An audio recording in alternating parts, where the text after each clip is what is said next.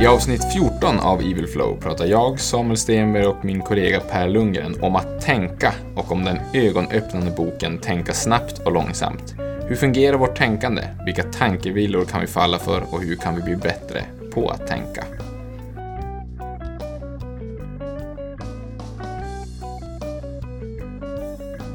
Sådär, nu har vi designat klart våra liv Per. Det är klart. Det, det är färdigt. Nu är det bara en sak till vi måste lära oss. Ja, Eh, Tänka. ja den det Men man kanske skulle börja med det då? Ja, precis. Eller som när man designar sitt liv har man kommit på att jag är inte så bra på att tänka. Eller jag har otur när man tänker, som man brukar säga. Just det. Eh, så att eh, det är vad det ska handla om nu. Ja, jag ser fram emot det, Mm. måste jag säga. Känner du att jag är i behov av att tänka? Nej, men jag, jag känner att eh, ibland brukar jag tänka så här att okej, när man läser sina första böcker, alltså fackböcker, Mm. så ger det inte nödvändigtvis så himla mycket för man har så mycket så här blankt på sin karta. Ja. Men, men sen när man har läst 300 och så läser man sin 301 Mm. så den effekten man får av att lägga till lite grann, alltså att det kan koppla ihop med allt annat, är väldigt stor. Ja. Därför tycker jag att det här ämnet är så spännande. Eftersom jag tycker att jag, jag kan, du vet, nu kan jag designa mitt liv lite grann. Mm. Alltså ju fler verktyg man får och sen adderar man de här grejerna vi ska prata om i den här serien. Mm. Eh, så tror jag att den så här exponentiella effekten, för att låta Ja. taggad, kommer bli stor. För det är ju det som går utanpå det mesta va? Det vi ska prata om i den här serien. Ja, alltså ämnet hur man tänker och vad som kan gå snett när man tänker, eller hur människor fungerar när, man, när vi tänker. Ja. Och hur fungerar, både hur vi aktivt kan tänka eller hur vi faktiskt också våra hjärnor fungerar på ett sätt som vi inte kan kontrollera. I vilken del av tänkandet som sker automatiskt som vi inte kan göra så mycket åt egentligen. Det måste man också känna till. Alltså allt det där, det är ju verkligen, om man ska fortsätta med din kartliknelse, det är som att bara få en en grundram för så här stor är kartan och här har du pennan du ska börja mappa ut saker med. Alltså det är verkligen fundamenten för att ens börja kunna lägga så mycket andra pusselbitar. ja, och målet är väl då inte att eh, förstå exakt hur det går till som någon sorts kuriosa. Nej, nej precis. Nej, det är om, man eh, tittar på rubriken till det här avsnittet säger att det ska handla om tänkandet och man kan bli lite skraj sen och tänka att nu blir det en biologisk genomgång av hjärnan och så, så det är inte vad vi ska göra. Även om all den här forskningen så som vi ska prata om, den har ju sin grund i det. Men eh, det ska vi inte gå in på för det kan ju lätt bli ganska tråkigt. Varför har du naturligt dragits till eh, den här typen av eh, böcker? Alltså om hur, hur hjärnan funkar och om att tänka och så vidare. Nej men det är väl av samma anledning lite som du var inne på där, att det är den här äh, den basala grejen. För att äh, när, efter jag hade läst den här boken av Kahneman som vi ska komma in på sen, då inser man ju att det här behöver jag ha med mig i typ varje bok jag hädanefter läser, eller i varje ny situation så måste man inse, vänta nu, vilka snedvridningar finns det risk att jag går i här och nu är min instinkt att vi ska göra så här i den här situationen, fast vänta nu, kan det vara så att vi, eh, både du och jag pratar om här när vi beslut med företaget eller någonting, att är det någon liten sån här som han kallar bias då, som vi är utsatta för en snedvridning, att vi tenderar båda till att vi känner att det där skulle vara bra, men kan det vara att vi är lite snedvridna av det här eller det här? Så att man inser att det här går att applicera på allting. Eh, Så därför är jag glad att jag har haft den här med mig i bakhuvudet på något sätt när jag har kunnat gå, ja, gått vidare och lärt mig andra grejer. Och sen är det bra att gå tillbaka. Den här, nu ska vi göra, vi du använde ordet serie tidigare, vi får se, men vi ska i alla fall använda några avsnitt här under våren blir det väl, till att prata om, om eh, Kahneman och boken här. Och eh, då har vi ju helt enkelt chansen att plocka på oss en massa olika av de här eh, vad ska man säga, snedvridningarna och sånt här som han eh, pratar om. Ja, ska vi hoppa in? Let's do it. Du har ju... Eh, jag har också läst den här boken som vi ska utgå ifrån. Men Mm. det var, jag, har förs- jag har läst den två gånger vet jag, men jag har aldrig liksom läst hela boken. Den är ganska... Den är ganska matig. Ja. Och sen så, alltså, som med många böcker som är riktigt, riktigt bra. Jag tror att en annan bok som jag refererat till, vi har aldrig gjort något avsnitt på den, men som jag refererat till en del, är ju den här Sapiens av Yuval Noah Harari. Det är också en sån här bok som jag gett, både när du och jag läste den tror jag, och jättemånga som jag känner som har läst den, att i början av en bok när det är så fruktansvärt mycket som man bara va? Och man blir helt tagen och liksom mind-blown så att säga. Man blir helt, man bara måste prata med andra om det här.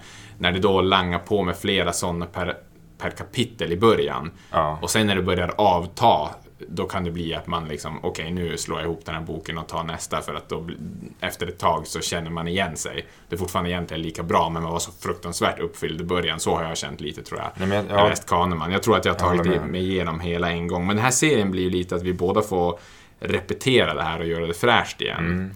Eh, och nu, nu, har jag nu har jag nämnt Kahneman flera gånger här. Alltså, den här boken som vi kommer att utgå från i de här avsnitten den är ju nog eh, Thinking Fast and Slow, eller Tänka snabbt och långsamt, heter den i svensk översättning. Och den kom ut 2011 då, och det här är... Alltså har man någonsin varit på en tågcentral eller på Arlanda, Den är valfri flygplats. flitigt eh, frontad. Ja, och liksom ramlat in på typ Pressbyrån för att köpa en kaffe och en eh, snackbar eller någonting, då står den ju där bland böckerna. Så den, och den har ju sålt i miljontals exemplar den här boken. Eh, och det är ju då, det är ju beteendeekonomi egentligen eh, som det handlar om det här. Eh, så det är, ju- det är ju psykologi. Och eh, Daniel Kahneman som har skrivit den tillsammans med en kille som heter Amos Tversky.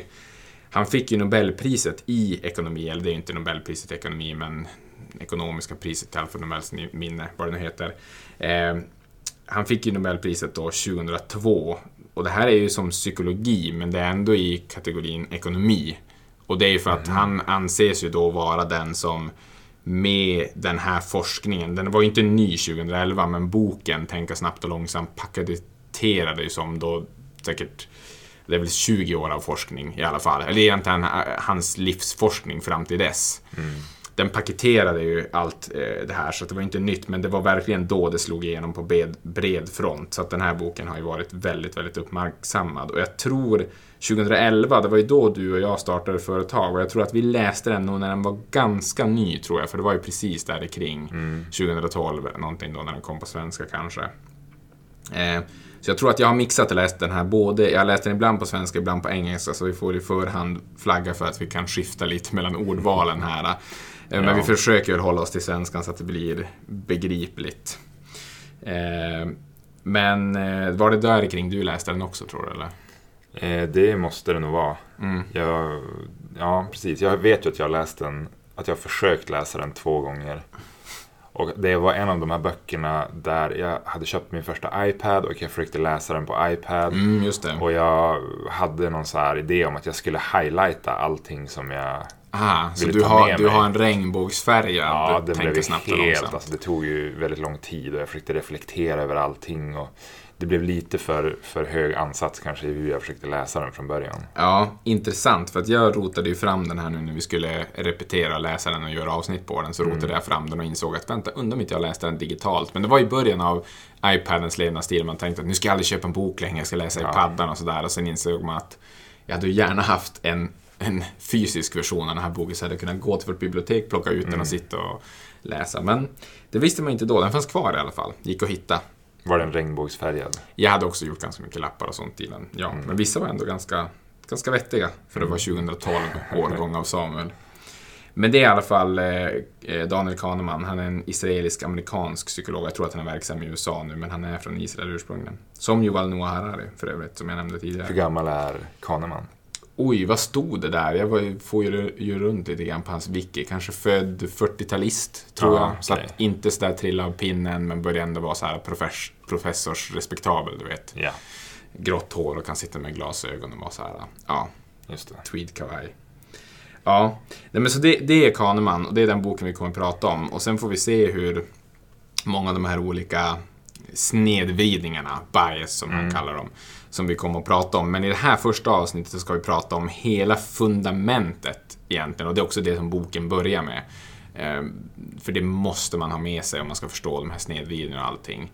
Och det är som huvudaktörerna i det här dramat som är vårt tänkande, tror jag han uttrycker det.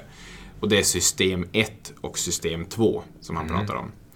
Ehm, och system 1 och system 2, de återkommer ju rakt igenom hela den här boken. Och han gör ju såna här, han är ju en vetenskapsman så att han har ju lite reservationer och så i början av boken. Att han, han problematiserar det här att han förenklar det så pass mycket så att, till att prata om ett system 1 i hjärnan och system 2 i hjärnan. Det är ju givetvis mycket mer komplicerat, men det han menar med system 1 och system 2 det är att System 1 då är det vissa delar av hjärnan som aktiveras och jobbar och det är utspritt i massa olika centran och sånt här och går man in på det då blir direkt biologi väldigt jobbigt att tröska.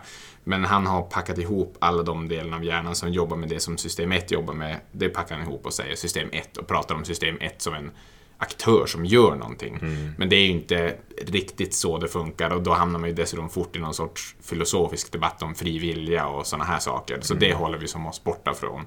Eh, och sen har vi system 2 som på samma sätt packar ihop en massa andra funktioner i hjärnan då. Eh, så att eh, vi bara säga det precis som Kahneman säger, att vi, vi lämnar det därhän, allt det biologiska och sånt. Vill man Ja. gräva ner sig i det och veta vilken del som sköts av prefrontal cortex och det limbiska systemet och bla bla bla, då kan man göra det.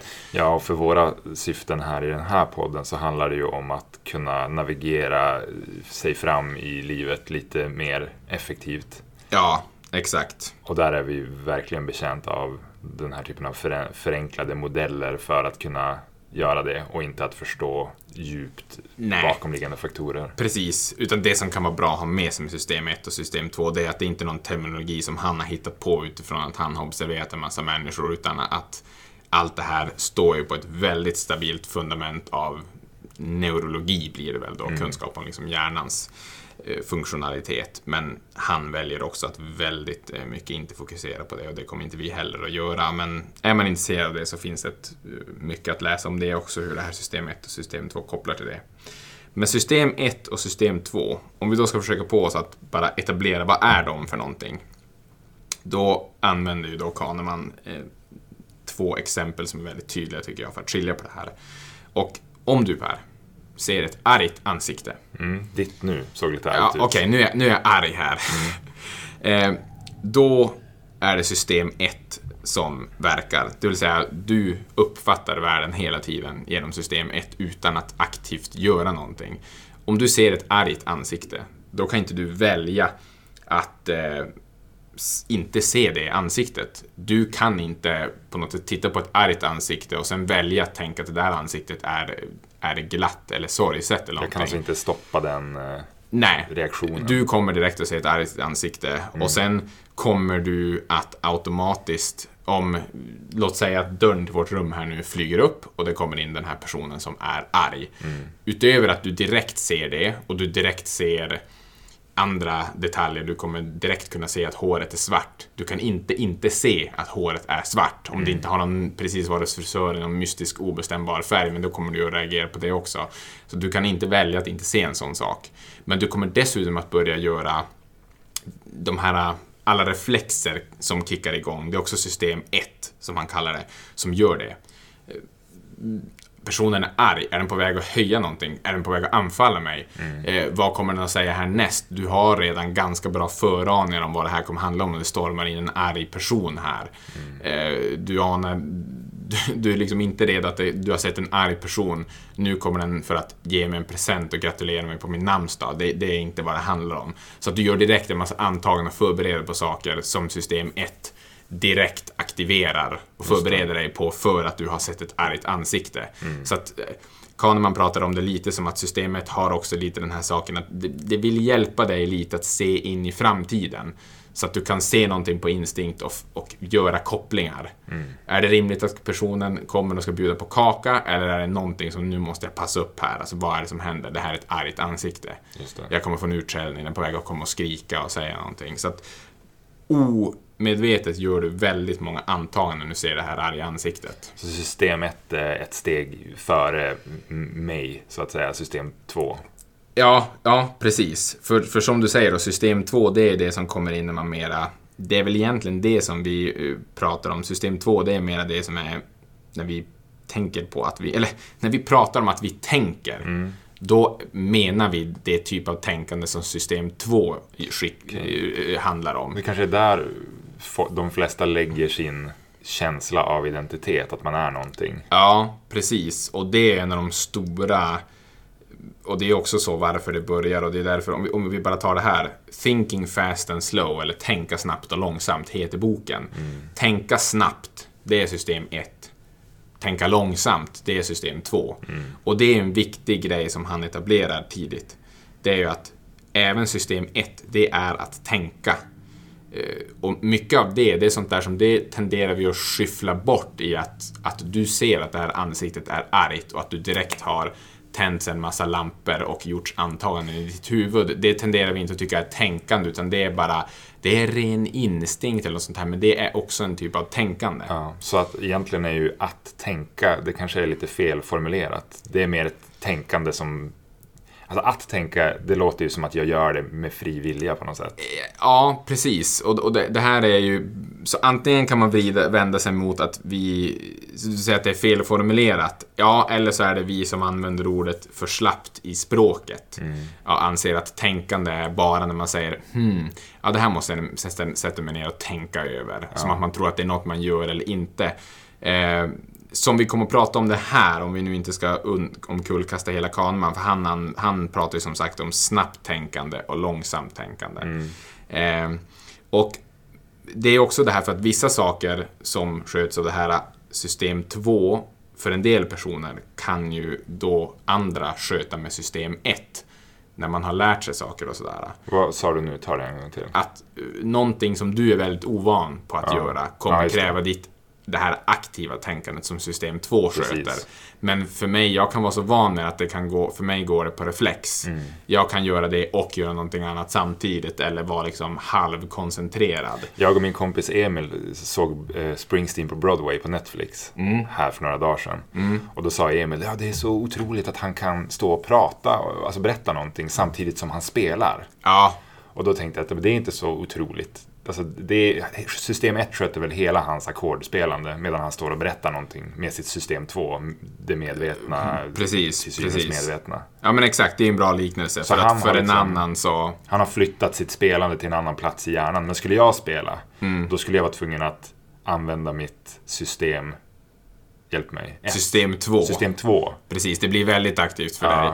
Så att om vi, då, om vi tar system 2 här nu då. eh, För där ex- exemplet som Kahneman använder där, det är ju då, och det, det är lite intressant för att om man då tar, då menar han att om vi tar räknetalet 17 gånger 24.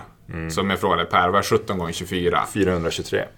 Okej, ja, det nu är du kanske väldigt bra på det här då. Nej, men för de flesta då, 17 Nej, det var en gissning. 24. Det var en Okej, gissning. mm. nej, men då är det intressant för att 17 gånger 24, då vet du direkt med någon sorts system 1 intro, här, um, intuition, Mm. som är system 1-tänkande, så vet du att 17 gånger 24, det är inte 15. Nej. Du vet också att det inte är ett, du vet också att det inte är 1,5 miljoner. Mm. Så att du har redan med system 1-tänkandet som Byggt är liksom, ram, så har du byggt en ram. Men däremot kan du inte instinktivt säga då du gjorde en gissning där som, Mm. ja nu vet jag inte, nu måste jag sätta mig och läsa det här men jag kan inte sätta mig och lösa ett mattetal samtidigt som jag pratar adekvat här i podden. Och det visar liksom att jag är fokuserad nu med system 2 på att leverera här i podden. Jag kan inte samtidigt räkna ut det här mattetalet. Det där eh, med matte, jag jobbade ju som croupier när jag var yngre. Ja, Och då var ju en del av utbildningen att snabbt lära sig addera summan på upp till 5-6 kort på blackjack-bordet och så göra det till 11-12 gäster eller vad det nu kunde vara maximalt. Och från början så tog det väldigt länge för mig, för, för varje gäst så att säga. För jag la upp kort, gästen kunde säga ta, ta, ta, så la man upp så att det blev en 5-6 kort och så skulle man då snabbt räkna ihop det som en tjänst till gästen och det är du som behöver hålla koll på allting. ja, Och efter ett tag så, jag nötte det där stenhårt. För att jag var lite osäker på min så naturliga förmåga att räkna. Jag tyckte det var läskigt att sitta framför gäster ja. en lördagkväll och vara osäker. Ja, du är verkligen on the spot på något Ja, sätt också. folk är packade och hugger snabbt på alla misstag. Ja, Eh, så då lärde jag mig det så bra eh, automatiskt. Mm. Att varenda gång la, någon la fram fem kort så kunde jag direkt, alltså jag, jag, det var som att se du bara ser det. Ja, som att se ditt ansikte som är argt. Jag behöver inte tänka, jag ser exakt vad det är. Mm. Och då minns jag att det var så imponerande för folk Ja, att jag kunde göra det. Pang, pang, pang, 23. mm. Bara, men hur, du har inte ens räknat. Nej, men för att jag räknar inte. Nej. Alltså det handlar inte om att jag är bra på att räkna. Nej. Det handlar om att jag automatiserat någonting. Det är jag ser en bild. Ja, precis. Och det, menar, det där kan man ju dra hur många liknelser med som helst, men jag tror att de flesta i sitt yrkesliv, beroende på vad man jobbar på, men jag tror att de flesta i sitt yrkesliv har sådana där saker som man har förvärvat som har blivit över till mer till system 1, eller du har otroliga, de här ramarna som gör att du och jag är ganska, då den här 17 x 24 vi får hyggligt fina ramar. Någon annan som är väldigt, väldigt skicklig på matte, det kanske inte, det går inte i system 1, det vill säga att du vet vad det är innan du ens knappt har sett det, precis som du ser ett svart hål och säger att det är svart. Men däremot så kan den här ramen som system 1 ger dig kan bli väldigt förfinad och sen, kan, och sen har du de här mentala modellerna för att jättefort komma fram till och så räkna ut det. Ehm, och, och, och det är ju en av de där viktiga grejerna då att eh, genom träning och sådana här saker så kan man bli mycket bättre på det här aktiva tänkandet som system 2 gör då. Och du kan vara duktig på matte och du kan vara duktig på något annat då. Eh, men det är ändå en sorts aktiv handling. Alltså han pratar om att du dirigerar ditt medvetande till det. Eh, Du upplever det åtminstone som en aktiv handling. Ja, precis. Eh, och så där går ju en, en skillnad mellan system 1 och system 2. Så att om man ska ta några exempel bara för det här för att eh, avgränsa återigen. System 1. Eh, där kan man titta på saker som görs av det. Det är ju avgöra hur långt ett eh, föremål är från dig. Du behöver inte aktivt tänka utan nu har jag bara en, alltså, jag plockar den här koppen. Men det är också en form av tänkande, så det måste min hjärna avgöra hur långt bort är det till den där koppen. Eh, det är en sak som system 1 sköter. Eh, om du ska uppfatta ett ljud, eller om vi säger Paris huvudstad, då kan du det. Nej, Paris huvudstad. Det- Den satte mig på den, den är svår. Frankrikes huvudstad, skulle jag ha sagt. Eh, men det var till och med så automatiskt med att jag sa fel på sa Paris istället. Eh, det är sådana där saker också som det går bara... Du kan det bara automatiskt. Eh, eller om jag säger vad är 2 plus 2? Det här med att köra bil på tom väg har han som ett annat exempel på system 1. Och det är ett väldigt bra exempel tycker jag. För att för både dig och mig, om vi kör bil på en tom väg. Eh, liksom, man är ute på E4, det är mitträcke.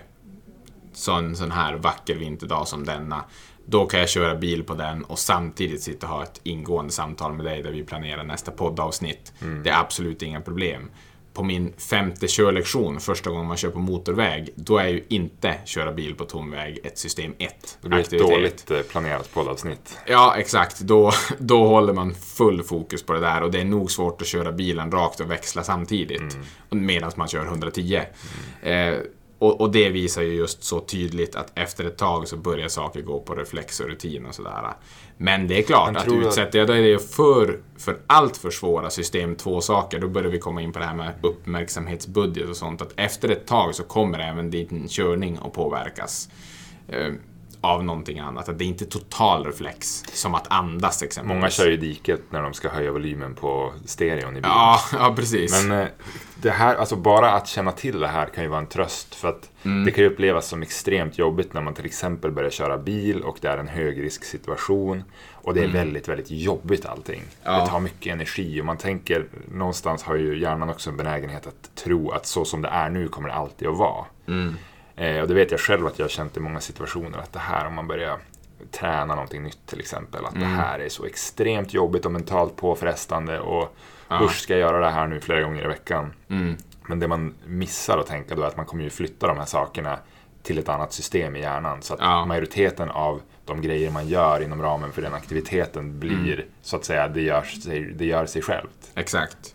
Ett bra exempel tycker jag, det tror jag är något som många har upplevt. Man behöver inte gå, ta något jätteextremt, men du bodde i Stockholm ett tag. Ja. Eh, och eh, för dig att gå till jobbet här nu, det är ju inte särskilt taxerande på system 2. Nej. Utan när både du och jag tar oss till jobbet här så är det ju verkligen system 1. Man kan gå till jobbet hit, man, stegen bär en automatiskt. Du kommer väldigt sällan att se någonting som system 1 liksom sätter en varningsflagg på så att system 2 måste aktivt komma in och börja tänka och liksom vad var det där? Oj, vad är det här? Hur ska jag göra nu? Utan det är en vanlig vintermorgon i Umeå, det är bilar som går och det är man får passa upp i något övergångsställe som Dock man just vet och man idag kan glida på. det känns som att det har kommit två meter snö.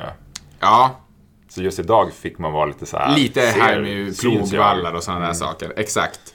Men, men det hör till Lund. Men sen då, det, för det jag tänkte komma till, jag nämnde Stockholm där. Eh, för mig då, som inte är i Stockholm så ofta, då när man är där och den här morgonrusningen och det är kaos och det är folk överallt och allt sånt där.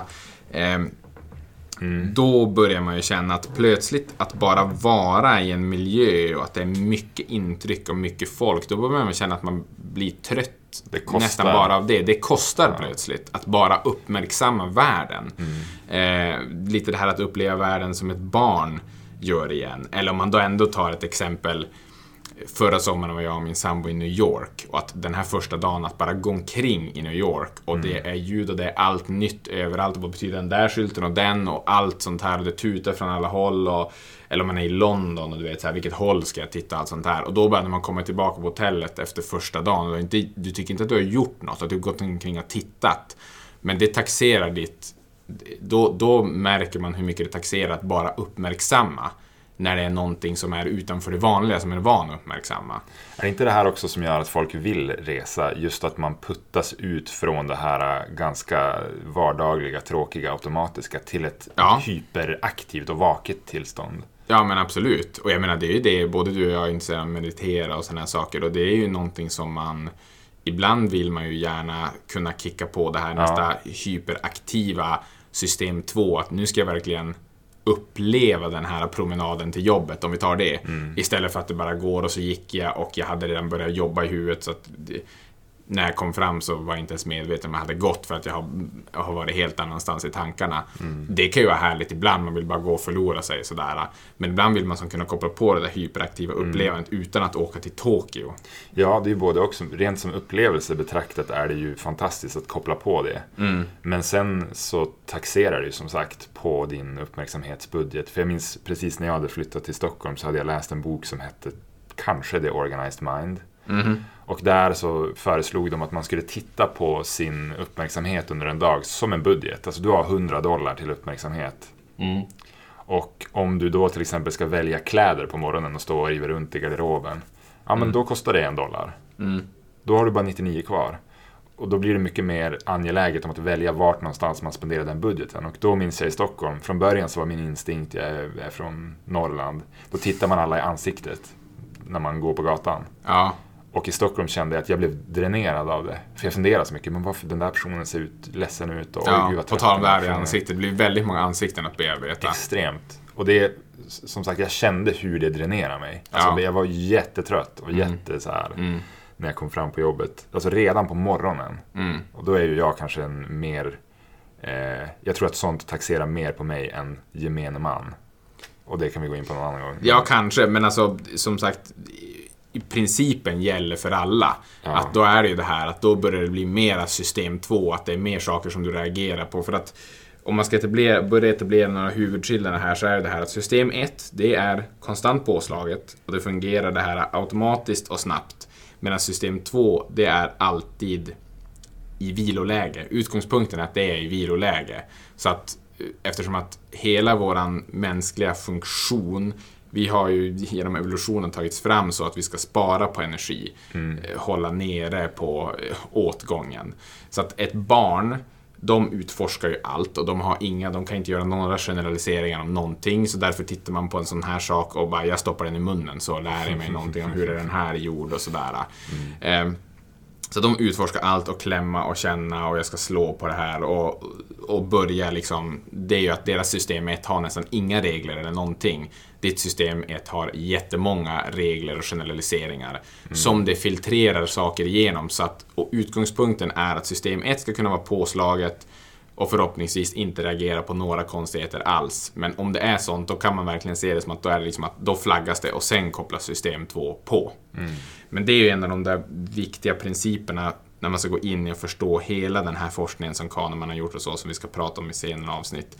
Det är ju att det innebär också att allting som system 2 kommer in och börjar tänka på det här, när du känner att du börjar tänka på någonting.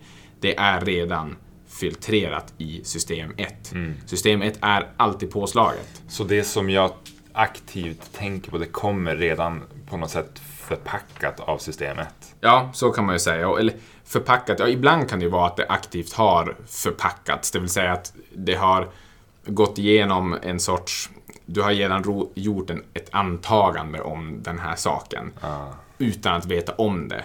om vi tar nu, vi har en massa saker här i vårt rum och så tar vi jorden till blomman som står där. Eftersom att ditt system 1 har redan regler och generaliseringar och sånt här så kan du bara genom att se det, du ser att det är en blomma där och du ser att det är något mörkt där nere. Mm. Då, då har du, utan att veta det, så har du gjort antagandet att det är jord, du har sett färgen på den så du vet att den är inte fnösktorr för då skulle det vara en liten annan färg. Mm. Utan du har redan gjort antagandet hur blöt den allt är så här.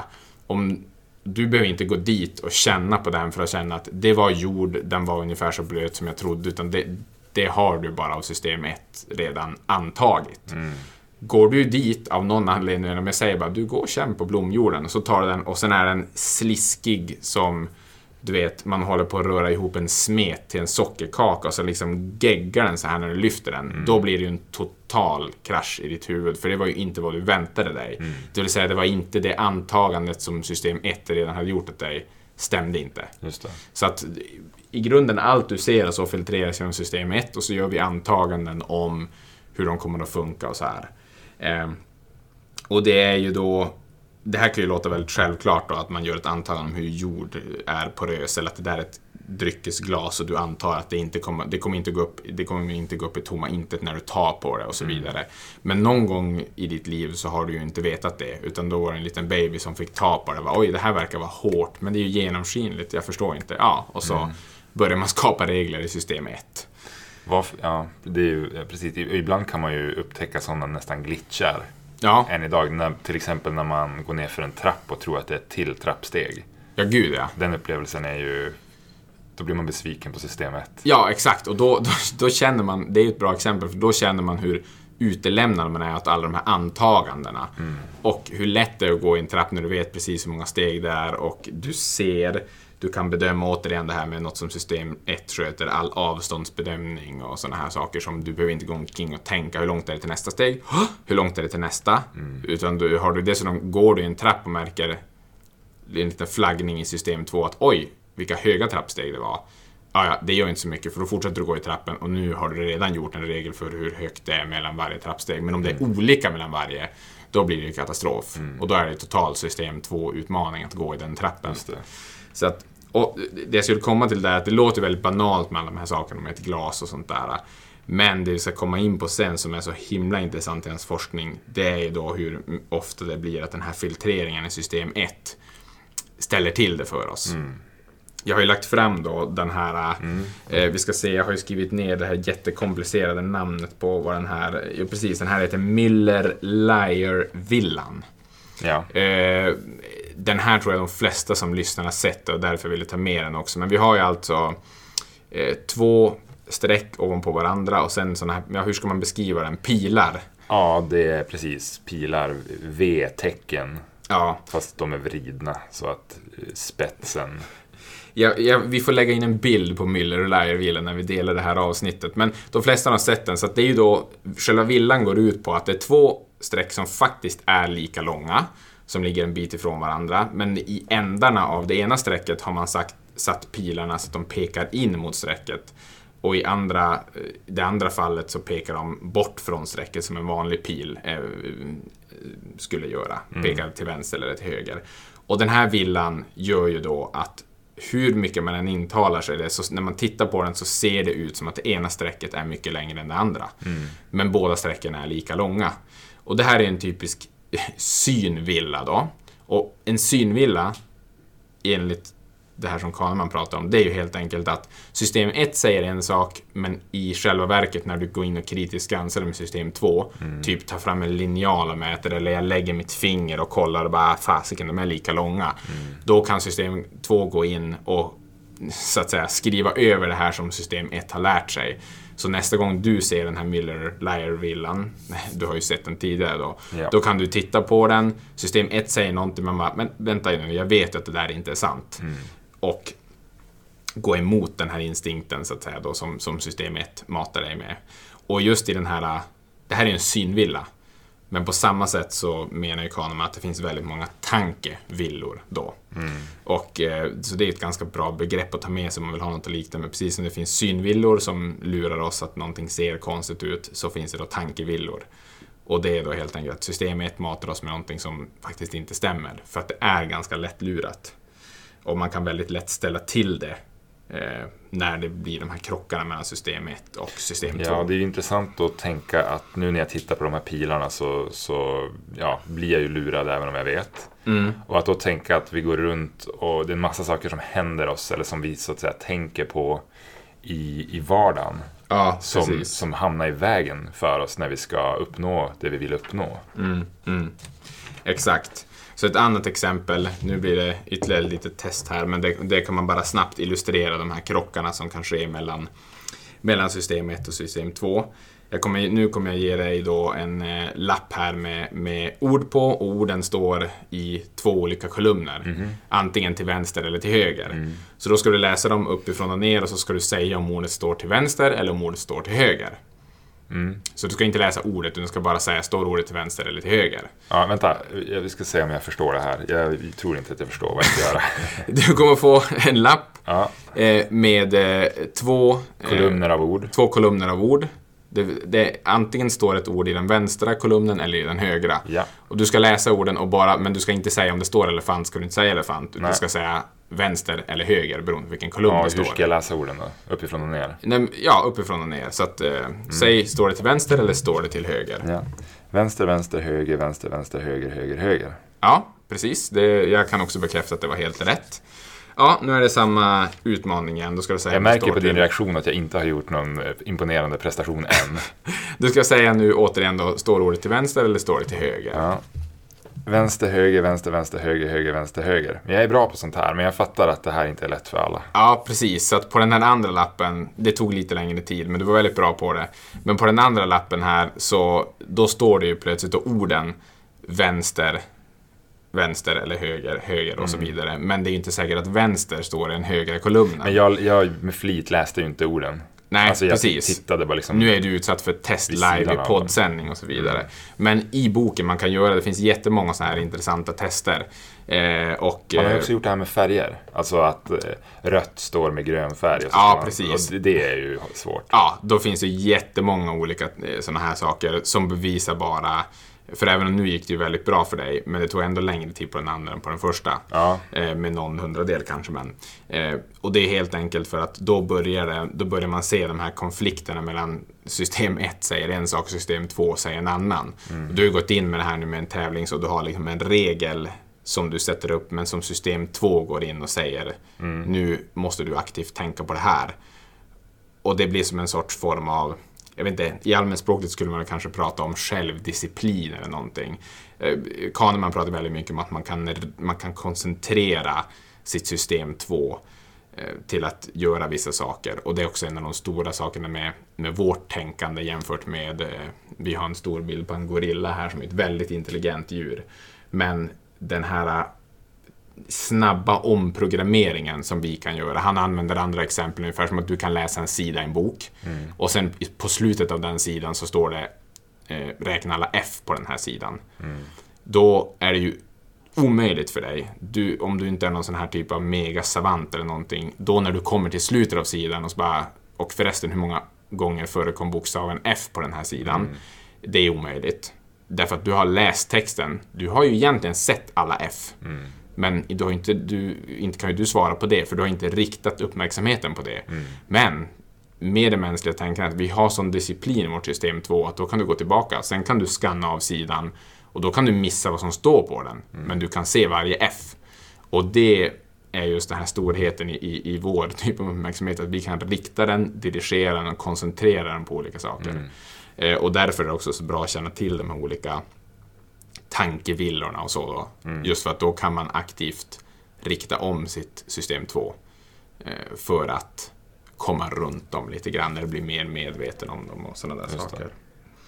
Eh, så att vi börjar ha mycket på plats här hur de här system 1 och system 2 fungerar. Jag vill bara återkomma lite till något vi pratade om tidigare, för vi pratade om den här eh, uppmärksamhetsbudgeten och sånt. Och något jag tycker är väldigt intressant när man läser Kahneman idag, ännu mer än när jag läste den 2011. Det är ju det här med uppmärksamhetsbudgeten, något, något som många tycker att de gör idag, nämligen multitaskar.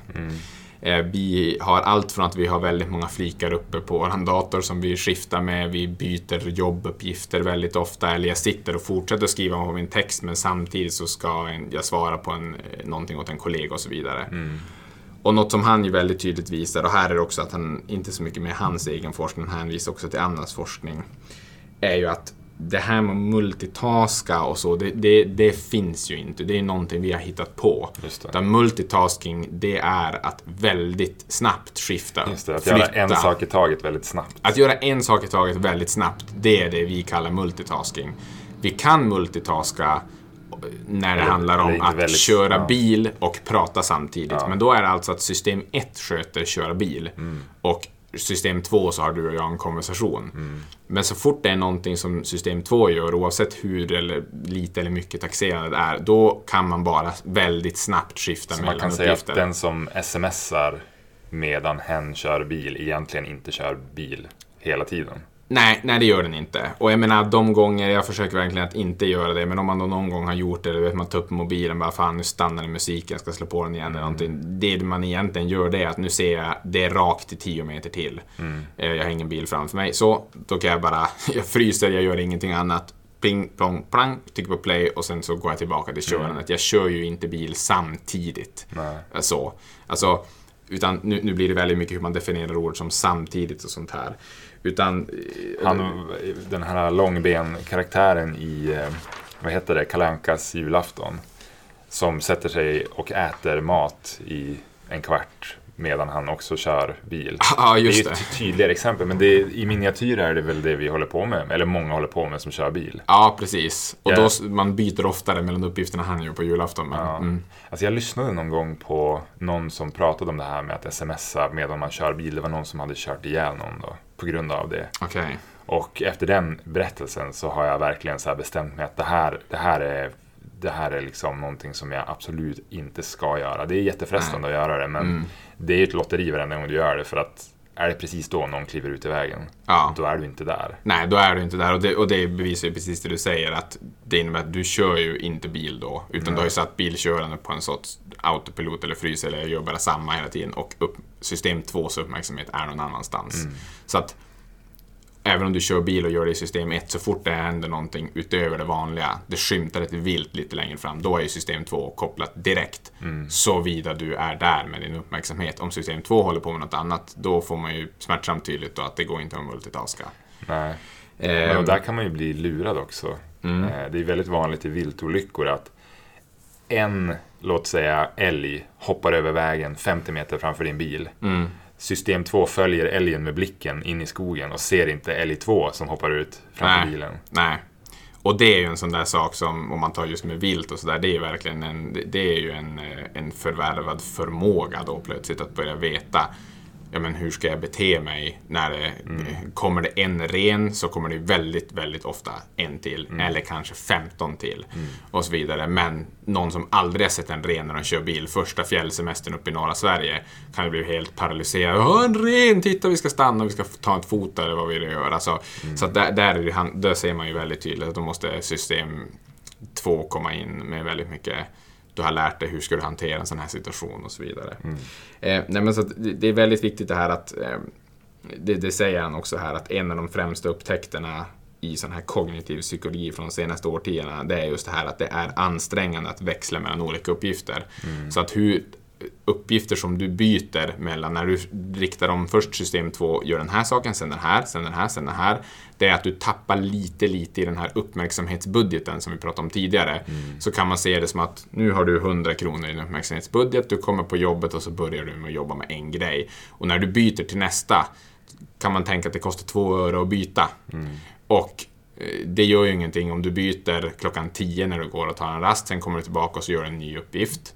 Då har du betalat två öre, det är inte så farligt. Men om du ställ, börjar med att öppna jättemånga flikar och tänker att du ska göra det där lite grann och när det blev lite för jobbigt eller du fastnar i den texten, då hoppar du till nästa om man tänker att varje byte av en flik är två öre, Alltså, det då så- börjar det kosta uppmärksamhet väldigt fort. kontraintuitivt för att ofta när man jobbar med någonting där det blir just, för det är ofta det som händer, man skriver i mitt fall då en text Mm. och så känner jag att nu börjar det gå lite trögt. Nu vill jag vila hjärnan så då tabbar man Ja. upp eh, mailen eller Slack eller Facebook eller Ja, någonting för exakt. att bara vila lite där. Men i, i själva verket så Det kostar. kostar det. Exakt. Vad ska man göra då när man blir lite trött? Ja, alltså han går ju inte in på det för att han, med, han stannar ju vid att säga, påvisa den poängen att det finns de här switching costs och så Ändå vidare. fick han Nobelpriset. Ja, exakt. Eh, nej, men det, det tänker jag att då kan man, eh, eh, det har vi varit inne på i många andra avsnitt och så här, men att gruppera ihop sitt arbete och se till att man får så lite byten som möjligt. Och börjar man vara rent trött och så här, men då kan det vara att då är det dags för en rast, ta en frukt, ut och frisk luft och Mm. vila liksom- lite grann. ja. Du byter till någonting som faktiskt återhämtar dig, inte bara byter till något annat. Nej. Som ju då mycket med sociala medier och sånt här, så bara kolla mailen. Det är ju ingen avkoppling, utan det, det är bara att då har man stött på lite motstånd i en uppgift och så skickar man eh, uppmärksamheten till något annat. Vad tror du det kostar att ha sin mobiltelefon eh, vid sin arbetsstation kontra att typ ha den i jackfickan en hel dag? Ja, det kostar nog ganska mycket. Jag såg ett avsnitt av, det var nog Skavlan för ett tag sedan, där det var en kille, han har ju skrivit den här boken Järnstark. Nu var jag inte beredd på det, jag kommer inte ihåg vad han hette. Hansson, Hansen, kanske Anders. Det här är en djuphål, men Järnstark jag den boken heter och nu ska han komma ut med en ny bok som handlar om precis det här med hur eh, mobiltelefoner och så tar på vår uppmärksamhet.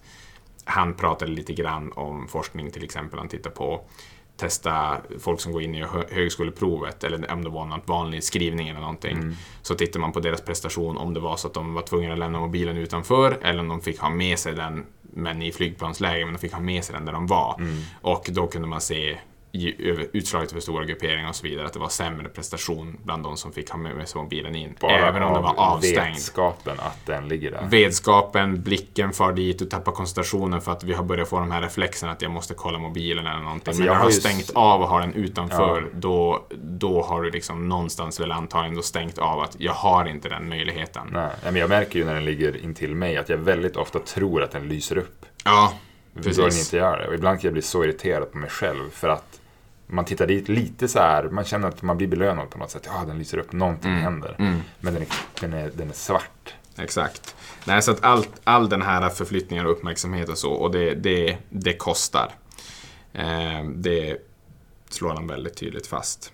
Eh, och på samma sätt, och en annan sista princip som jag tycker ska få på plats, det är också det här att den här riktade koncentrationen, den kan göra oss väldigt blinda för saker. Och att vi inte är medvetna om vår blindhet. Han eh, tar upp ett exempel som har gjorts av några killar som heter Chabris och Simmons. Jag kan bara läsa den eh, biten. Det är kanske många som har hört om den här, The Invisible Gorilla, men jag läser ändå om den för det är väldigt intressant det här experimentet också. Eh, de här två killarna, de satte då samman en kortfilm som visade två lag som kastade basketbollar mellan sig. Det ena laget hade vita tröjor, det andra laget hade svarta tröjor. Och då får då betraktarna instruktion att de ska räkna antalet passningar i det vita laget. Och vad de svarta gör, det spelar ingen roll. Räkna antalet passningar i det vita laget. Och det här är ju en svår uppgift och den kräver ju full koncentration för det passas mycket bollar fram och tillbaka så att man är fullt koncentrerad. Halvvägs in i filmen så dyker det upp en kvinna klädd i gorilladräkt, en sån här vanlig svart gorilla. Hon rör sig över spelplanen, slår sig för bröstet och sen så går hon vidare. Och den här gorillan, eh, eller personen i gorilladräkt är i bild under ni- under nio sekunder totalt i filmen. Och då är ju då tusentals personer får se den här filmen och omkring hälften av dem märker inte gorillan som kommer in. Och det är ju den här räkneuppgiften och framförallt uppmaningen då att helt bortse från det svarta laget som orsakar den här blindheten då. Och det är ju för att system 2 har ju då helt riktats mot vita laget, räkna antalet passningar och det är ganska många passningar så att du har ju dessutom det här korttidsminnet jobbar ju hela tiden att hålla an. Hur många passningar räkna? En, två, tre, fyra liksom i huvudet. Ehm, så att, att se och orientera, det är automatiska funktioner i system 1. Men de är beroende av att en viss uppmärksamhet riktas i rätt riktning då, så att säga. För vi uppfattar ju inte allting automatiskt. Och framförallt om vi med system 2 har sagt gå in, fokusera helt på det där fönstret för snart kommer det hända något coolt där någon kommer hoppa ut. Okej, då sitter jag och tittar på det där. Och det är klart att då har ju min uppmärksamhetsbudget riktats helt ditåt. Då kommer uppmärksamheten av andra saker att försämras. Som till exempel när jag plockar dina fickor rena från värdesaker. Exakt, medan jag helt fokuserar mig på det där fönstret. Eh, det här är lite intressant, när jag läste det här nu igen, då tänkte jag på just det här med diskussionen. Jag kan få kritik hemma ibland av min sambo eller någonting, att jag, att jag, att jag är tankspridd, jag är ofokuserad. Men då brukar jag säga, nej, det är snarare det att jag är väldigt fokuserad på någonting, men inte fokuserad på annat. Alltså, mitt system 2 är helt fokuserat för att jag går och tänker på någonting jätteintensivt, hur jag ska lösa den här grejen, samtidigt som jag gör något annat. Sen har hon ropat någonting, kan du lägga fram den där, eller ta fram eller kan du kolla om vi har mjölk kvar eller någonting? Och så kan jag ropa, ja. Men det vet jag inte ens om att jag har gjort, för att. Mm. system 2 är helt riktat någon annanstans. Jag brukar hävda att det här är inte att man är tankspridd, utan jag är helt fokuserad på någonting. Och så försvarar du det fokuset genom att låtsas vara lyssna. Ja, precis. Alltså, men det, det är intressant att då kan man alltså svara ja utan att man ens... Alltså, Ja. Jag vet inte att jag har svarat ja på det. Nej. Eh, För att jag är helt riktad på något annat med system 2. Eh, och sen ibland... Så jag tycker det finns en skillnad där för att koncentrationsförmåga vill man ju väldigt gärna ha. Det kommer ju på bekostnad av att då hör inte jag vad hon säger till exempel. Eh, Men man kan ju göra mer än så tänker jag. Utan att vara medveten om det. Ibland brukar Ja, jag ja. fråga saker. Vad, vad ska vi äta till middag? ja. Vad, vad tycker du vi ska äta? Och sen får man ett svar. Men man gör någonting annat ändå i huvudet. Ja. Så efter ett tag så blir det pinsamt. För då inser man så att vet du att jag hörde inte vad du sa. Nej, men det finns ju jättemånga sådana där saker. Eh, jag är väldigt dålig på, tycker jag i alla fall, på om man kommer i ett nytt sammanhang, om man ska mingla och sånt här. Och eh, alltså jag kommer aldrig ihåg vad folk heter om man tar i hand och så här. Och det är för att jag är typ så koncentrerad på typ, nu ska jag ta i hand ordentligt och hälsa och Mm. vara trevlig, så ska jag säga Samuel. Alltså, och sen kan jag komma på att vad fasiken, har jag lyssnat på vad de andra säger eller vill jag bara le och ta i hand Mm. ordentligt? Nej men jag känner exakt samma. Och, och, och det, det är så tydligt för då, den personen har ju tittat mig i ögonen och sagt Per och jag har skakat i hand och, och det, det är verkligen det här, det går in och ut. Och, och, och det är väl helt enkelt att du har, liksom, du har riktat system 2 mot något annat. Du har ingen chans att minnas det där då. Nej. Eh, Frågan är om det ens går in. Det är väl som den här gorillan. Ja, Den är där men du har gjort något annat. Ja, precis. Och, och, och då börjar man komma in i de här intressanta, som sagt att system 1 är påslaget hela tiden, filtrerar allt i världen. Mm. Och då kan man väl se det som att du som inte, inte ens en gorilla har passerat filtret, för den var svart. Och i den stunden så var du helt fokuserad på Mm. Och vitt. det är det här som mycket, när man ser den videon tycker jag att man förstår att så här, många imponerande magiker, Mm. Trollkonst, vad kallar man dem? Ja, det beror på om man tror på magi eller inte. Trollkonstnärer, trollkarlar och Illusionister, what have you. illusionister. Ja, Att det är precis det här de är duktiga på, att ja. överbelasta ditt Titta system hit, titta hit, titta hit, titta Ja. hit och sen händer det något jätteenkelt där borta. Ja. Ja. Pang, du är imponerad, jag är Ja, geni. jag tror jag nämnde i podden att jag för ett tag sedan var och såg de här Brynolf och Ljung. Och då gjorde de ju något sånt exempel och det är för att de på något sätt vill metakommentera sitt sätt att göra så kallat trolleri då, eller street magic. Eh, genom att ta upp någon på scen och så gör man så här klassiker att nu ställer man den här personen så att ni, ba, ni i publiken ser vad som händer men hon, hennes uppgift hon tror att hon ska upp på scen och göra någonting och det är viktigt att hon håller koll på alla grejer. Hon vill ju prestera, hon är på scen, det sitter 2000 pers här. Hon är helt fokuserad på det och de gör så lätta lurendrejerisaker för att finta henne och ta bort saker bakom hennes rygg och liksom skoja till det med hur tarvligt det är. Men hon är ju helt fokuserad, hon märker ju ingenting. Och, och det, det, känns ju, det känns ju fånigt, men det visar ju just hur tydligt det blir som en kommentar mot deras eget också, att det- är ganska lätt att vilseleda folks uppmärksamhet. Ibland när man träffar någon som är snygg så märker man inte hur dum den personen är. För man är så upptagen med hur snygg den är. Ja, precis. Det, det är ju en... eh, Det skulle man nog säkert kunna. Jag tror inte att den tas inte upp i boken, vad jag minns i alla fall. Men det är ju definitivt en sån här tankevilla då, Alltså, så jag att tänkte säga. faktiskt på exakt det när jag såg, När jag kom in här idag. när jag såg norska Bonde söker fru. Okej. Då, då, det var inte så bra. Så jag tänkte att nu ska jag göra något intressant av det här. Ska Analysera det genom ja, Kahnemans men då analyserade jag speeddaterna. Och så tänkte jag att, för att efter, efter en speeddate så var det ofta så att bonden vände sig mot kameran och sa det här, detta var en dejlig samtaletur. Ja. Då tänkte jag att ni, det där var ju en, ett ganska dåligt samtal, men du, tyck, du var ju attraherad av personen i fråga. Mm. Och sen kunde det vara ett ganska enligt mig då, ja men typ, man kom ner lite på djupet. Ett, ett riktigt samtal med någon annan som de inte då var attraherade av. Och då Nej. liksom kunde de vända sig mot kameran. Det- Detta var icke noe för mig. Nej, nej. Och då tänkte jag att det är ju inte... Ja, förmågan att bedöma hur intressant samtalet var rent isolerat som samtal Mm. eh, förvrängs av någonting annat. Ja. Nej, och, och det, då, då kan man ju säga att system 1 har ju förvrängt det där. För att system 2, jag tror till och med man har det... Så precis, det samtalet går, filtreras genom system 1. Ja, precis. Och då som en man som är singel, eh, som är då... Det, det är inte så mycket att göra någonting åt, utan då är automatiskt kalibrerad att du ska liksom attraheras till en kvinna som är en viss ålder och du ska vilja para dig med henne och så vidare och sprida vidare den mänskliga rasen. Så det är liksom... Det är något som system 1 tycker att du borde göra. Så det är redan filtrerat. Och sen måste man då kanske kliva in och försöka ja, kliva in med system 2 och som man säger, ta ett steg tillbaka, tänka lite mer aktivt, analysera det här. Okej, men jag ska göra en kolumn. Okej, vi har utseendet. Bra, då kan jag sätta den. Det var i en pluskategori. Vad mer har vi där? Men tänker bort det. Alltså, du förstår, man behöver bryta Ja, ner det det, mer aktivt med system 2. Du har säkert också känt det i livet att man ibland har gått i karismafällan lite grann. Ja, ja, Man ja. har valt att jobba med någon på något sätt som har varit liksom karismatisk och man har Ja. varit oförmögen att ifråga sig varför vill jag jobba med den här personen. Vilka bevis finns det för att det här kommer bli ett bra Ja, precis. samarbete? Och det är precis de här sakerna. Det här är ju olika typer av tankevillor som vi kommer att komma in på när vi ska gå in på den här boken. Och det är ju just de här tankevillorna. Ofta börjar det med att system 1 bollar upp någonting, men det är en särskild situation som gör att det här annars så briljanta system 1 som gör att du kan generalisera och förstå att ett glas är ett glas är ett glas och du kan se det på håll. Du kan se om någon är arg. Du kan göra otroliga generaliseringar och sånt här som gör att du kan ens fungera i världen. Bara för att du behöver inte ens tänka på allt det här. Systemet har satt den här generaliseringen. Så i grunden är det ett briljant system. Men det leder till de här olika snedvridningarna och sånt som vi kommer komma in på. Det finns ju den här den kommer vi säkert ta i något avsnitt för den är intressant. Men det är ju den här som kallas halo-effekt. På tal om det här du nämner nu och den handlar ju om just det här att första intrycket i, I folkmun kan man prata att första intrycket är viktigare än man tror. Eller aldrig sudda bort ett dåligt första intryck.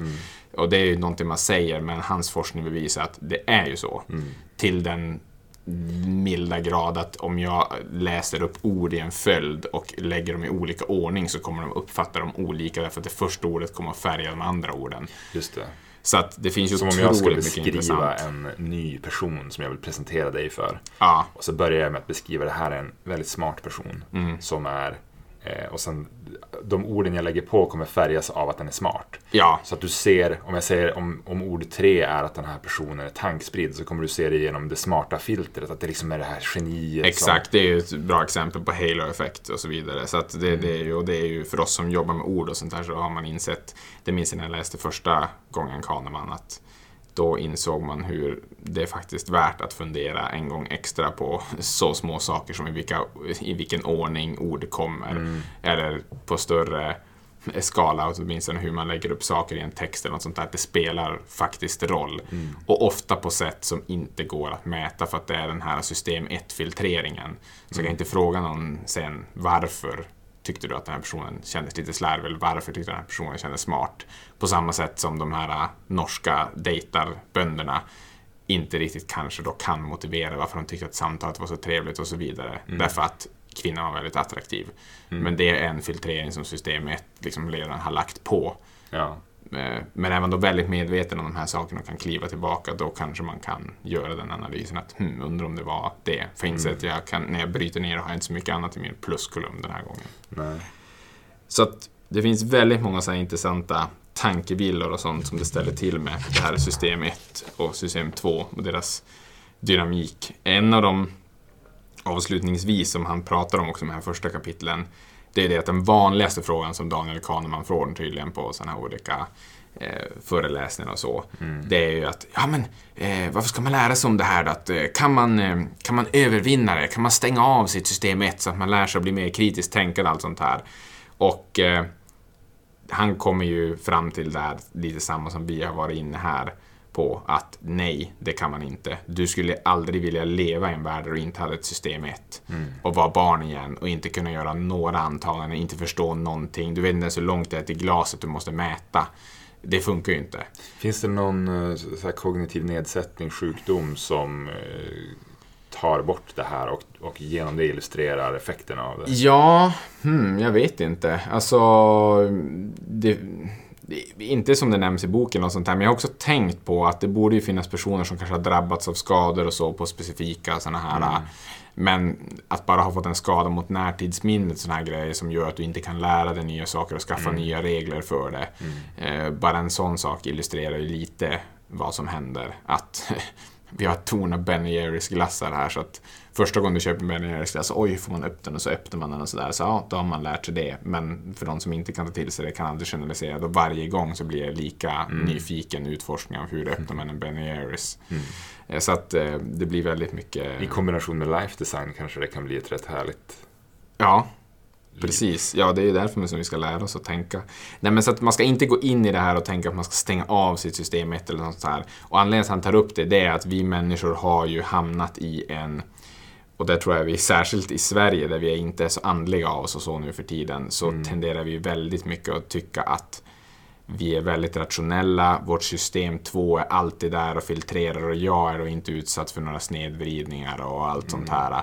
Och, och, och han skjuter ju som ner det att det är ingen, man får inte gå in i de här sakerna och lära sig om det här som står om i, i Tänka snabbt och långsamt. Man får inte gå in i det och tro att målet är att man ska stänga av sitt system 1 och aldrig vara biased. Jag är aldrig utsatt för en tankevilla eller någonting. Utan man måste inse att jag är jättemycket utsatt för tankevillor. Du är jättemycket utsatt för tankevillor.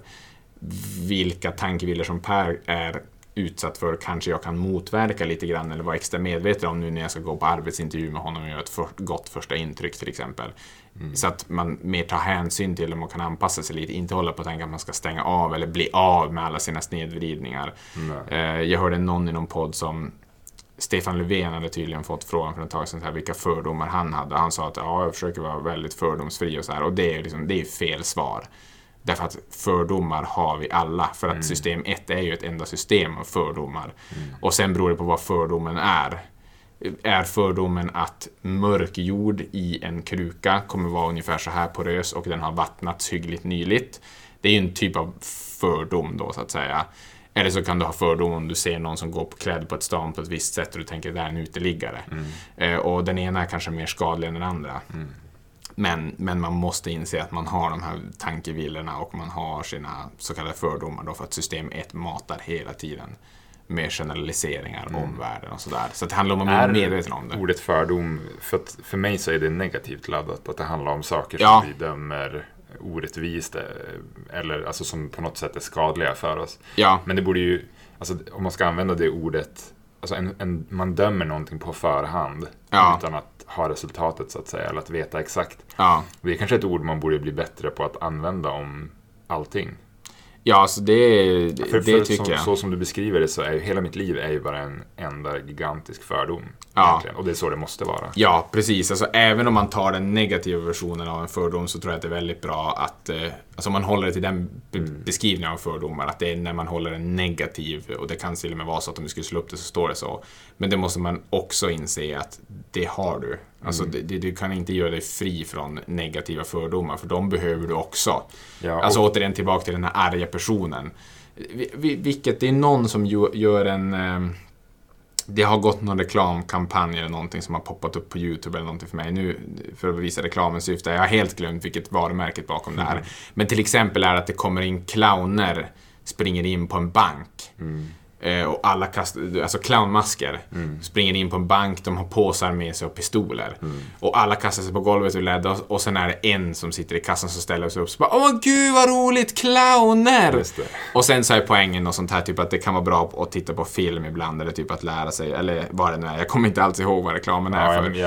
det. Det är en nyttig fördom, så att säga då. Alltså att det, det, kommer det in clown, clownmasker, pistolerna i vädret och så vidare, då är, det en, då är det en sån här bra matning som systemet gör, är liksom kasta det ner på golvet eller vad det då är. När det händer, precis. utspritt över tusen händelser är det gynnsamt att anta att det här är Exakt. en hotfull situation. Och var det då liksom så att nu missade du här en jätterolig clownshow inne på den här banken för att du inte gick in på banken efter att du hade sett att det springer in clowner med vapen. Alltså, eh, då kan du, då må det vara hänt den gången. Det kan vara bättre att inte rusa in på den banken och bara det ska bli clownshow där. Kom Eh, ungar. Ja, precis. Eh, Ta med sig barnen också, gör man när man ser clowner. Ja. Så att eh, det, det kan vara bra med de här fördomarna, då, så Ja, eller stereotypen eller vad man nu vill kalla det, som systemet matar med. Jag tycker att en följd av att man förstår det här är ju också att man blir, dels blir man ju snällare mot sig själv, Exakt. men också att man kan ha en förståelse för varför andra personer gör som de gör och kanske inte tillskriva det till deras karaktär nödvändigtvis. Ja. Nej, men en sån här äh, liten bara sån grej som jag minns med, med, med, bara för att ta en av de här tankevillorna som du har varit inne på lite grann, det här med första intrycket och halo-effekt och sånt där, äh, som att systemet filtrerar genom det, jag minns att när vi började vår företag, då tyckte vi att det var så fånigt att alla man ska alltid vara så välklädda folk. Vi ska inte bli sådana som kommer till jobbet i kostym och sånt här. Och så blir man nästan anti och tänker att jag, kan, jag får väl gå till jobbet i mjukisbyxor om jag vill och så vidare. Eh, och det kan man ju göra om man vill göra ett statement och sådär. Men det är bara det att det behöver inte vara en, en person som jag möter behöver inte ha ett uns modeintresse eller någonting i kroppen eller vara någon klädsnobb eller någonting. Men kommer ändå att omedvetet få den signalen att det här är en slashas eller någonting. Så att man, därför att ditt system 1 matar dig med att det här är någonting annorlunda. Man kommer inte till ett kontorsjobb i mjukisar och en eh, hoodietröja som man har spilt lite på. Eh, det får du givetvis göra och det, du är ingen sämre person för det men du måste vara medveten om att det kommer skicka de signalerna. Ja. Eh, och, och det kommer för 99,9% av befolkningen att vara packat i ett fack som är liksom att oj, passar för den här, eller det här är något konstigt, det här är riktigt slarv, den där kan man inte ha att göra, med, göra business med. Ja, precis. Det håller jag med om. Och jag, men jag tycker också att man... Eh, jag tycker att jag ser många som går för långt åt andra hållet. Att man klär sig som så här 80-90-talsbilden av Wall Street. Och då är ju grejen att om du ger den typen av, av löften till människor, att det här är jag, så här är jag. Ja. Och sen kan du inte backa upp det sen. Nej, nej, ja, det, Alltså, det, alltså, det, eller så här, funkar ju åt andra hållet. Det. Du är inte den personen helt enkelt. Och det kommer bli väldigt jobbigt att spela den teatern och du kommer stänga ner mer och mer av det som egentligen är du. Ja, nej men det är ju... Det är, Det tycker jag, jag är jätteglad att du och jag bestämde oss för att vi ska vara oss själva på jobbet. ja, Och det betyder inte att vi ska vara, ha liksom smutsiga kläder, men det Nej. kanske inte heller betyder att vi ska ha kavaj. För att, nej. Nej, för det kommer, bli, det- kommer bli oäkta också. ja, och vi står för samarbete med våra kunder och liksom hela den här biten, att de ska känna att nu gör vi saker tillsammans och vi är på samma nivå alltid. Och, och som sagt, alltså det här, vi behöver inte gräva det för det är som ett helt sidospår, men menar, ofta kan det vara bra att försöka bryta mot en norm eller någonting och skickar du då en signal och vissa kommer tycka att oj vad konstigt, han är resande försäljare och så här som kommer runt i kontor och han har inte kavaj och så här. Men du kommer ju säkert, vissa kommer ju kanske uppfatta den signalen som men positivt, gud vad skönt, det här är inte någon sån och det är kanske de du vill hitta åt. Så att det behöver inte vara dåligt att bryta mot normer och sådär. Men man ska ändå vara medveten om att det gör jag. Och det är inte ditt fel att du har ett systemet som säger till dig att det är något, det var lite ovanligt att det kom en kille som var resande försäljare som har valt shorts och t-shirt. Eh, Det, det är liksom skillnaden, att du måste vara medveten om att det kommer att skicka en flagga i ditt huvud. Men det kan man använda sig i fördel kanske. Och särskilt om det verkligen passar en som person, då kommer det sen att falla på plats när man har det här samtalet. Okej, det var den där killen som var lite skön sådär. Och, ja. Men mycket mer om det kommer vi att lära oss när vi ska gå in på alla de här olika tankevillorna och så. Men vi stannar där för idag och låter det sjunka in. System 1 och system 2. Jag tycker folk ska gå ut och börja i sin verklighet och bara begrunda de här systemen och tänka på hur de fungerar. Börjar man göra det, då har vi liksom lagt grunden för att sen kunna eh, ta kunskapen om tänkandet vidare. Mm. Jättebra.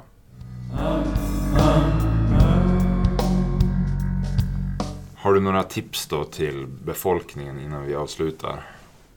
Ja, eh, kommer du ihåg en gång när vi firade en gemensam vän genom att åka ut till ett hus ute i obygden? Och sen var det en person där som var ansvarig för att laga mat till oss. Oh, Illerns köttfärssås. Illens köttfärssås är den känd som. Folk som känner oss vet vad vi pratar om här. Nej, men det, det, vi blev bjudna på en köttfärssås som, det var liksom inte köttfärssås. Det var ju, det var ju som en delikatess. Ja, men han kallade det liksom, han kallade det köttfärssås. Ja. Och vi åt den på, på papperstallrikar. Ja, så att det var liksom inte paketering eller någonting som lurade oss som de här snygga norska bönderna eller någonting. Utan det, det, det var ju inte något sånt, utan det var bara magiskt gott. Sen kan det alltid vara situationen och gott sällskap och sånt. Men alltså, så att, alltså köttfärssås, nu väldigt eh, nyligen här förra veckan så lagade vi köttfärssås hemma och följde ett recept som jag hade sett i det här, sett i det här Sveriges Mästerkock. Eh, brukar vi följa och där lagade de köttfärssås ett avsnitt. Och tänkte att nu ska vi göra ett seriöst liksom, köttfärssås. Inte bara ta, köpa nötfärs och hälla på lite vatten och eh, tomater. Och det var, det var liksom, jag var tillbaka i den här Illerns omtalade köttfärssås. Så, alltså, alltså, så att lärdomen här är väl att all, de sådana här enkla rätter och sånt, till synes vardagsrätter. För ett tag sedan gjorde vi köttbullar hemma och följde något jätteavancerat. Det var också det var nog Leif Mannerströms köttbullsrecept. Och det blir ju en, det, det blir ju någon som man tänker att varför äta oxfilé när jag kan äta det här? Ehm, utan att det nödvändigtvis behöver bli lika dyrt och liksom sådär. Gjorde Så den här kött- kärleken. Gjorde du köttfärssåsen, som Marcus Aujalay brukar säga, nästan oätlig? Exakt, när man smakar på den så ska det, oh, det ska rycka till och sådär. För sen rör man ju ut den med pastan och sådär. Och det ska vara riktigt stingigt och mycket av kryddorna. Och den ska stå och puttra länge. Och man blir nästan för hungrig och den puttrar och puttrar och sen häller upp den och då bara... Ja, så att man ska inte underskatta det här äh, gedigna hantverket även i de här enkla rätterna. Så att... Eh, Ja, det är bra tips. ja, om du vill ta oss tillbaka till den där äh, kvällen i stugan. Det vill jag. Jag har ju försökt det. Jag hörde av mig, jag, jag vet ju att du har sagt det. jag hörde av mig till Illen. Jag fick receptet. Jag har slarvat bort det. Men Om han lyssnar nu så ber jag om ursäkt. däremot så försökte jag göra det, men det blev ju fruktansvärt. Ja, det är ju inte... För det är ju inte, det är inte som att bara, det är så lätt som att bara slänga på en massa saker och så ska det smaka. Utan det är ju delikat hur man balanserar de här olika grejerna. Men Mm. det kan jag rekommendera till folk. Och blir man sugen på exakt köttfärssås så, så kan man gå in på Sveriges Mästerkock på tv4.se. Där samlar de recept och där finns det Mm. Ja, köttfärssås. ja, det måste jag göra. Mm. Okej, då är det min tur märker jag. Alltså Ja. att komma med tips. Ja, det var, det var slut där. And Ja, eh, alltså en grej som jag märker att jag gör oftare och oftare som, jag vet inte om det är tips, men jag brukar, eh, alltså mer för att jag typ tycker att det är en kul övning, Mm. sätta mig och göra listor på 50 saker av olika saker. Det kan till exempel vara så här att jag, jag vaknar en lördag, jag vet inte riktigt vad jag ska göra. Okej. Ja, och då sätter jag mig och sen bestämmer jag att nu ska jag på så kort tid som möjligt skriva ner 50 saker jag skulle kunna göra idag. Oj, 50. Det är ganska 50, högt. exakt. Mm. Det ska vara högt och svårt. Och så blir det som ett, nästan som ett träningspass att komma på de där 50 sakerna. Det kan vara allt från att liksom fylla upp cykeldäcken med luft Ja, just det. till åk ut till ett spa. Mm. Eh, men alltså jag, jag upplever att det är så sjukt stimulerande. Vilken, vilken del av är det att du kommer fram till roliga saker du ska göra eller är det bara att tanken tänds på hur mycket du kan göra? Eller Men det är vad? båda. Men det, det börjar ju med att man, det, ofta går det rätt trögt. Men sen leds man in på massa nya banor. Ja, ja men det, det här är är ju intressant. Det kopplar ju till det när vi har pratat om i de här avsnitten om life design, om att hur man ska generera idéer och sånt här. Att de första fem man kanske skriver, det är ganska fantasilösa. Det är det man gjorde förra lördagen eller det man brukar eller något sånt där. Och sen så inser man att om jag ska komma på 50, då får jag ju börja tänka i helt nya banor, så att säga. Men det är sjukt, alltså, och nu har jag börjat se konsekvenserna av det. Det kan ju vara en så enkel sak som att för några veckor sedan så fick jag fram i en sån här lista att ja, men, jag ska gå med i en bilpool. Mm. Ja, och då bara gjorde jag det utan att överanalysera det. Gick Nej. med. Och sen har ju det fått till följd att men nu kan jag hyra en bil. Ja, då har jag gjort det och sen genom att hyra den här bilen så har jag börjat liksom köpt färg och äntligen måla om köket som jag har tänkt på så himla länge. Och det i sig har gett nya idéer på hur man ska kunna göra si och så, si och så. Så att små, små saker sätter igång intressanta banor. Ja. Så Och det börjar för mig då med att pressa ur mig 50 saker. Mm, mm. Ja, det lät som om ett 50. bra men enkelt trick för att komma förbi de här första tre uppenbara så att säga. Exakt. Som annars bara av ren... Sen kanske 50 är mycket, ofta ger jag ju upp på 23. Men Här, nu förstår du ju. men du kanske känner att du har kommit till så göttiga saker på det här på att börja vara över 20 så att det ja, räcker. och jag använder det till mer och mer. Från början var det mer, vad ska jag göra i helgen? Vad, ska jag göra, vad vill jag göra till sommaren och sådär. Men nu kan Mm. jag använda det till ganska smala saker Ja. också. Som bara det inte tas till excess. Om vi ska gå ut och, gå ut och käka lunch idag och du vill lista 50 ställen Nej, men det är och precis, det köpa lunch. Det kan vara så här, vad är 50 saker jag skulle kunna göra mig av med Ja, i mitt hem? mm, Och från början så känns det som att jag kan inte göra mig av med någonting. Men sen har man en Nej. lista på 50 saker så börjar man den processen. mm. Ja, Mm. bra. Lista 50 saker man kan äta eller äta köttfärssås. Bra avslutning. Då eh, återkommer vi.